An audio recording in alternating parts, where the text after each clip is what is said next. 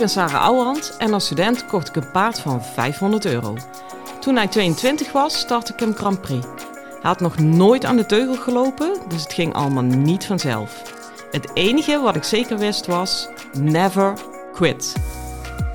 Ik verslond alles wat ik kon vinden over de biomechanica van ruiter en paard. Dat testte ik net zo lang totdat ik wist wat echt werkte. In deze podcast leer ik jou alles over je rijtechniek, je houding en zit en je mindset. Want ook jij kan naar de Grand Prix gaan, zelfs als je geen miljoenenpaard hebt. Hey, lieve paardenmensen. Nou, ik ben eh, net klaar in Deurne voor dag 3 met die groep. Ik heb 10 ruiters daar. Ik ben klaar voor vandaag overigens. Morgen is er weer een dag. Ik heb 10 ruiters daar moet je heel eerlijk bekennen. Ik had een klein telfoutje gemaakt. Want normaal zijn het er uh, acht, soms negen. Maar goed, uh, nieuw record is gevestigd, 10. Nou, wat natuurlijk echt wel enorm geniaal is. Ik heb er twee paarden bij. Ja, tien inmiddels eigenlijk. Maar er zijn er twee bij. Ze heten allebei Kees. Ze zijn allebei 1,80 meter. En ze hebben allebei cornage. Nou, schiet mij maar lek. Ja, weet je, en sowieso als een paard Kees heet, dan, dan ben ik al, weet je, dan heb je mij al gewonnen. Uh, ja, en een van die deelnemers, dat kan ik dan echt ernstig waarderen, die heeft gewoon een bijnaam voor hem. Hij heet gewoon Kees Cornage. Nou, weet je, ik gun niemand cornage, maar als je paard er toch cornage heeft, noem dan een godsnaam Kees Cornage. Dan heb je nog iets. Nou, even kijken. Wat hebben we vandaag gedaan? Ja, ik zou bijna willen zeggen, niet veel, maar daardoor juist enorm veel. Ik haal dat wel vaker aan. Dat voor mij als instructrice het altijd een uitdaging is om niet te veel te zenden. Ehm, dat is niet omdat ik mijn mond niet kan houden, ik ben uh, in het dagelijks leven eigenlijk heel erg rustig. Ik kan heel lang stil zijn. Maar dat is wel omdat ik enorm plichtsgetrouw ben. En heel vaak het gevoel heb ik moet leveren. En laten we elkaar even geen mietje noemen. Die vierdaagse is niet over de top duur, maar het is ook geen pakje boter.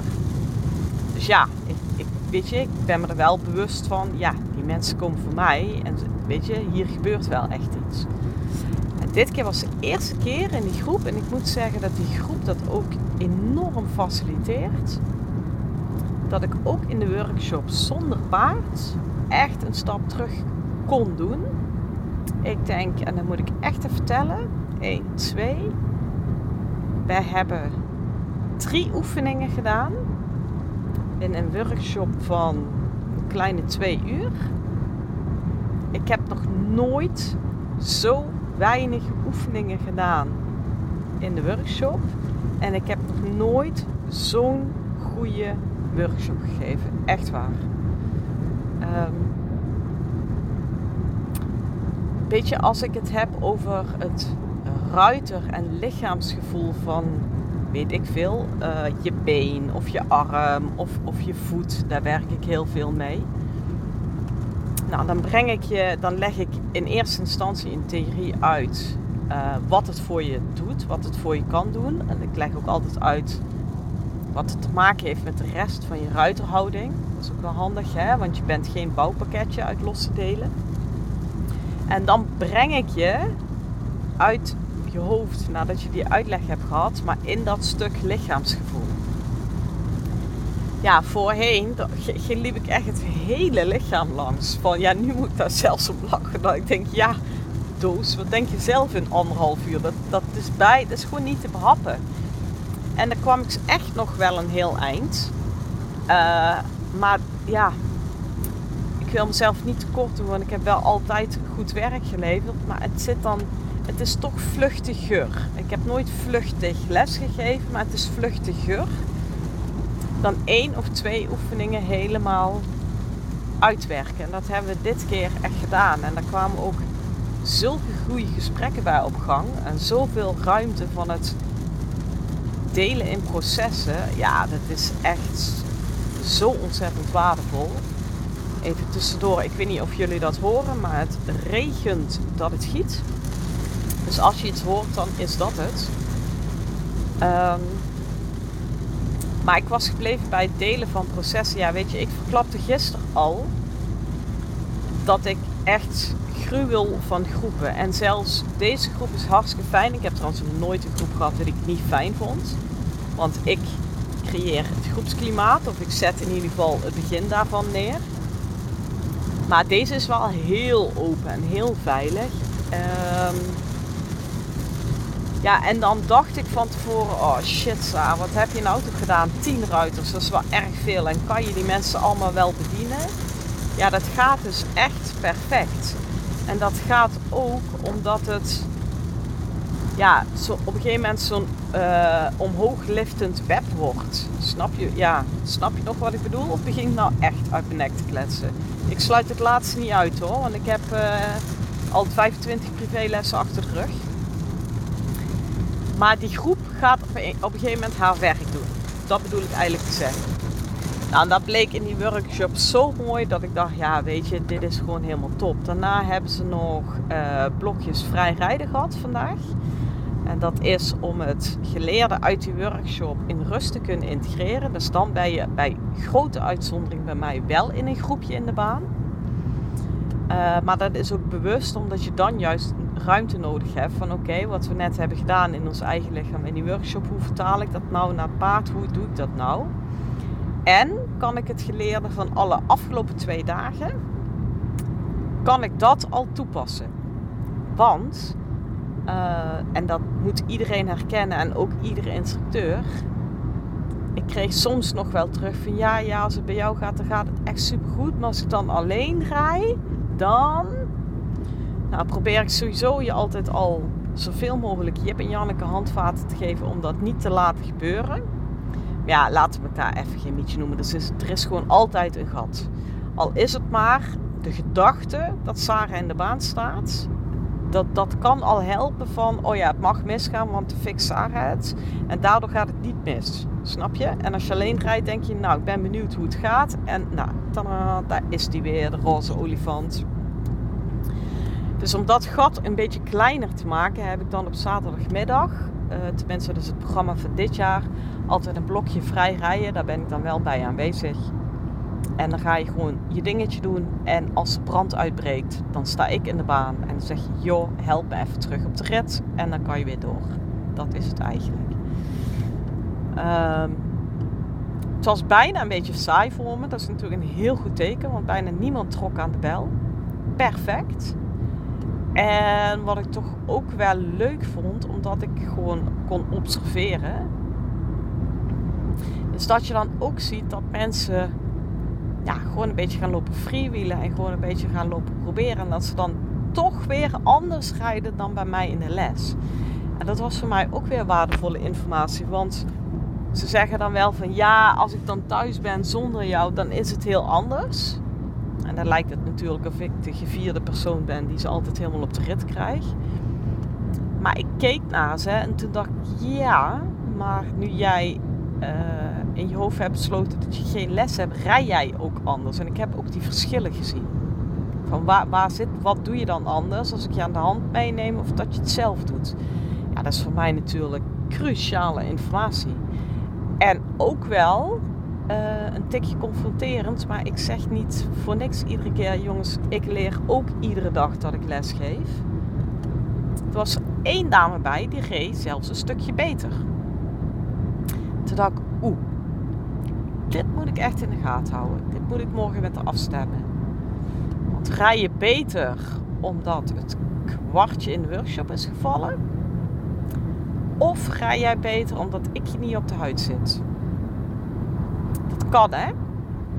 Dus ik ga dat morgen wel even aan haar vragen van hoeveel informatie kan je aan. Uh, want ik heb toch wel het donkerbruine vermoeden dat ik haar meer ruimte moet geven. Want vandaag zag ik dat ze daar beter van werd. Dus dat is alleen al, weet je, en dan zeg je, je doet het voor de ruiters dat vrij helpen en ik help jullie wel. Maar ja, kijk, zo werkt het dus, hè lesgeven is altijd leren aan twee kanten. Als dat niet zo is, je mijn instructeur niet. En ik zeg echt niet dat ik mijn instructeur even de les ga lezen. Dat is een heel subtiel spel. En het is ook, ja, ik deel het nu met jullie in de podcast, maar normaal gesproken en zeker de hele persoonlijke stukken waar ik tegenaan loop in het lesgeven, ja, die los ik met mijn vrienden op. Dus het blijft nog steeds wel duidelijk een rolverdeling dat ik dan niet uh, me aan de voeten werp van mijn leerlingen en zeg help me. Dat zou toch wel een heel beetje raar zijn. Maar het moet wel de basishouding zijn dat je zelf ook in de baan staat om te leren.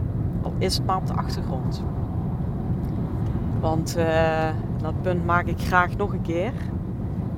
Ik heb ook een leerling in deze groep die uh, is heel handig, echt heel handig. Maar als het kwijtraakt, is echt heel onhandig. Dus dat is een beetje, het is een beetje alles of niks.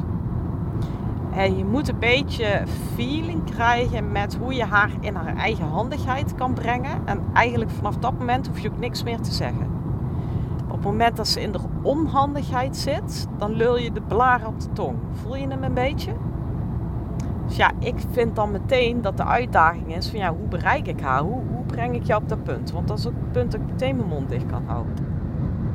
Nou, zij brak op de eerste dag even, omdat ik er een compliment gaf.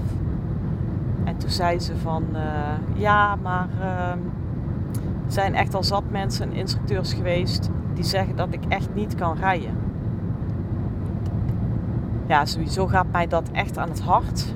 Uh, als je iemand ziet dat die zo hard geraakt is. Daarna zat ik daarna ook over te denken. Ik denk dat iedere ruiter met ook maar een beetje ambitie. En het hoeft echt niet de Grand Prix te zijn, maar gewoon hè, dat je een keer een leuk rondje wil kunnen rijden. Ja, die kan je niet harder raken door te zeggen: jij kan niet rijden. Dus ja, dat is zo op de ban. De, nou ja, ik, ik, ah, goed. Maar ik heb dat toen maar even laten gebeuren, omdat ik dacht, ja, die tranen moeten er toch uit, even gaan. Maar de dag daarna heb ik wel tegen haar gezegd, ja, allemaal leuk en aardig hè, dat die mensen dat zeggen, wat ik sowieso al schandalig vind. Maar ik heb even een andere vraag voor jou. Kunnen die mensen wel lesgeven? En ik doe dit zelden, want niet collegialiteit, dat is natuurlijk ja, echt niet mijn stijl. Maar als ik zie dat iemand zo hard onderuit is geschopt, of het echt is gebeurd, weet ik niet. Maar het is in ieder geval haar beleving. Dus de pijn is er. Dus ik ga even uit van uh, hoe zij het heeft ervaren. Hou me daarin ten goede. Dan vind ik het wel noodzaak om, uh, om af te vragen: hebben jullie werk wel gedaan? Want op het moment dat je haar ingang vindt, en die is niet heel moeilijk, hè? Die zit in rust en een vriendelijk woord. Ja, ga het zij gewoon sterven nemen. Snap je? Dus um, ik zie daar te vaak ruiters in worstelen. En dan zie ik echt wel de onhandigheid bij combinaties wat gewoon op dat moment niet mooi is. Kijk, ik ga ook echt geen mensen naar de mond praten. Uh, er was ook iemand bij die zegt, Sarah, ik zeg, wat kan ik voor je doen? Ja, ik zit te knotsen, regel het maar. Ja, is gewoon ook leuk hè, zo'n antwoord. En dan kijk ik naar en denk ja, in deze fase zit je ook te hotsen knotsen. Alleen, um, ja, dat kan ik 10.000 keer tegen je zeggen. Of we kunnen gaan zeggen, hoe gaan we van hotsen knotsen, hoe gaan we het nelen? Um, snap je? Dus dat is een totaal andere instelling. En ik gun jullie zo, en want zij zat daar ook al mee met discussies met instructeurs. Dat als het niet goed gaat, en uh, er komen instructies waar jij niks mee kan en waar je dus nog slechter van wordt. Dat je niet zomaar in de gedachte trapt. Oh, dus ik kan het niet. Dus ik bak er niks van. Ik zeg ook niet van negeer je instructeur maar en doe maar lekker je eigen ding. Ook dat lijntje is wel heel erg dun. Maar het is wel van ja, eh, je zit inderdaad hotse knotsen. Maar heb je eigenlijk wel eens ooit goede uitleg gekregen? Want twee lessen later zit je mee. Snap je?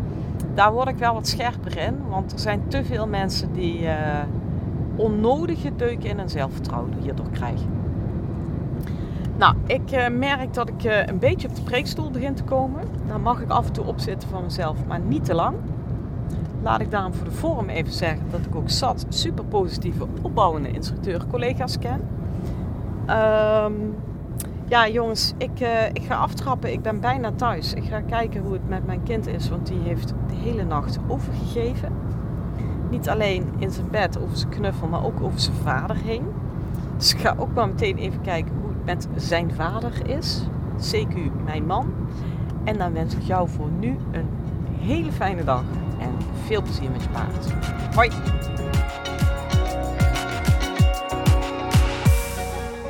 Lieve ruiters, dit was hem weer voor vandaag. Waardeer je mijn tips? Geef me sterren op Spotify en iTunes. Dat voelt voor mij als een dankjewel. En geef je paard een knuffel van me.